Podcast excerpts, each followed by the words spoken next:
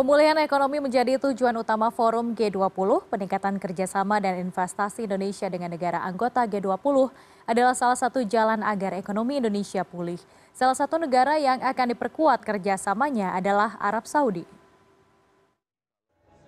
Pertemuan tingkat Menteri G20 bidang perdagangan, investasi, dan industri berlangsung selama tiga hari di Bali pertemuan mengangkat enam isu prioritas, yakni reformasi bidang perdagangan dunia, memperkuat sistem peta jalan kerjasama multilateral, mendukung arsitektur kesehatan global, mengakselerasi digital dan rantai nilai global, peningkatan investasi berkelanjutan untuk pemulihan ekonomi global, dan industrialisasi yang inklusif melalui industri 4.0. Untuk memperkuat hubungan multilateral antara Indonesia dan negara anggota G20, Menteri Perdagangan Zulkifli Hasan menyatakan telah bertemu dengan 13 negara mitra. Di sela-sela rangkaian kegiatan G20, Indonesia mengadakan pertemuan bilateral dengan 13 negara mitra, yaitu Australia, Afrika Selatan, Amerika Serikat, Arab Saudi, India, Inggris, Kanada, Korea, Korea Selatan, Selandia Baru, Singapura, Spanyol, Persatuan Emirat Arab, dan Uni Eropa. Selain itu, Indonesia juga mengadakan pertemuan bilateral dengan satu organisasi internasional, yaitu United Nations Economic and Social Commission for Asia and the Pacific dalam pertemuan dengan pemerintah Arab, Saudi Zulkifli Hasan memaparkan pentingnya negara ini sebagai mitra dagang bagi Indonesia di kawasan Timur Tengah. Sayangnya, potensi perdagangan kedua negara belum dimanfaatkan secara optimal. Kementerian Perdagangan mencatat pada Januari hingga Juli 2022, total perdagangan Indonesia Arab Saudi mencapai 4,6 miliar dolar Amerika atau 69 triliun rupiah. Angka tersebut meningkat 58 persen dibandingkan periode yang sama tahun sebelumnya. Ekspor Indonesia ke Arab Saudi sebesar 1,6 miliar dolar Amerika atau setara 24 triliun rupiah atau naik 18 persen.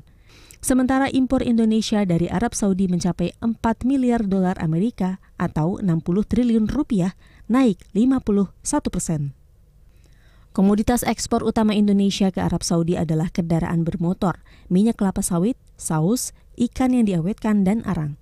Sementara komoditas impor utama Indonesia dari Arab Saudi adalah berbagai produk kimia seperti alkohol, asiklik, polimer propilena, polimer etilena, hidrokarbon asiklik, dan poliasetal.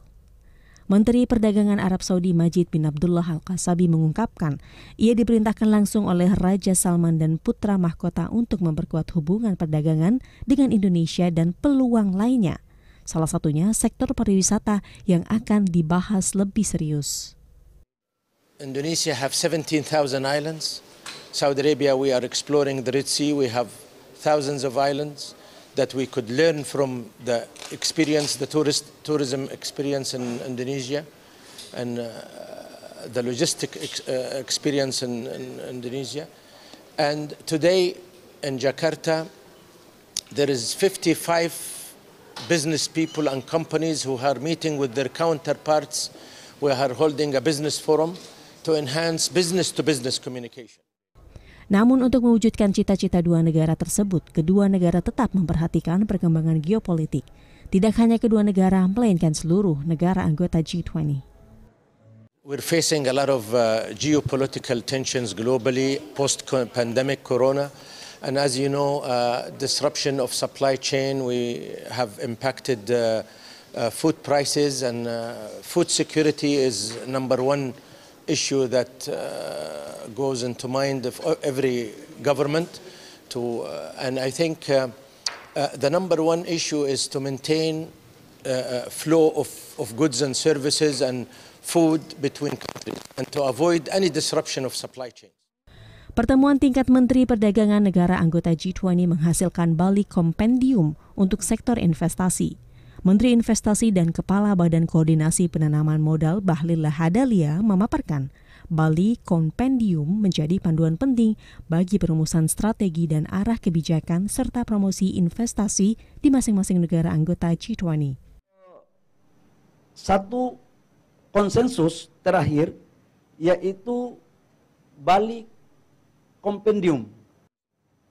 Bali Kompendium ini adalah panduan penting bagi perumusan strategi dan arah kebijakan investasi serta promosi investasi di masing-masing negara. Sebab kami berpandangan bahwa setiap negara harus diberikan keleluasaan untuk menyusun strateginya ya, dengan pendekatan keunggulan komparatif di negara-negara itu. Dan alhamdulillah sudah selesai, sudah diputuskan juga dan saya terima kasih kepada teman-teman dari Antet yang sudah membantu kami dalam merumuskan. Terkait balik kompendium Bahlil Lahadalia menambahkan, Indonesia berpandangan setiap negara harus mempunyai keleluasaan untuk menyusun strateginya dengan pendekatan komparatif di negaranya. Tim Liputan CNN Indonesia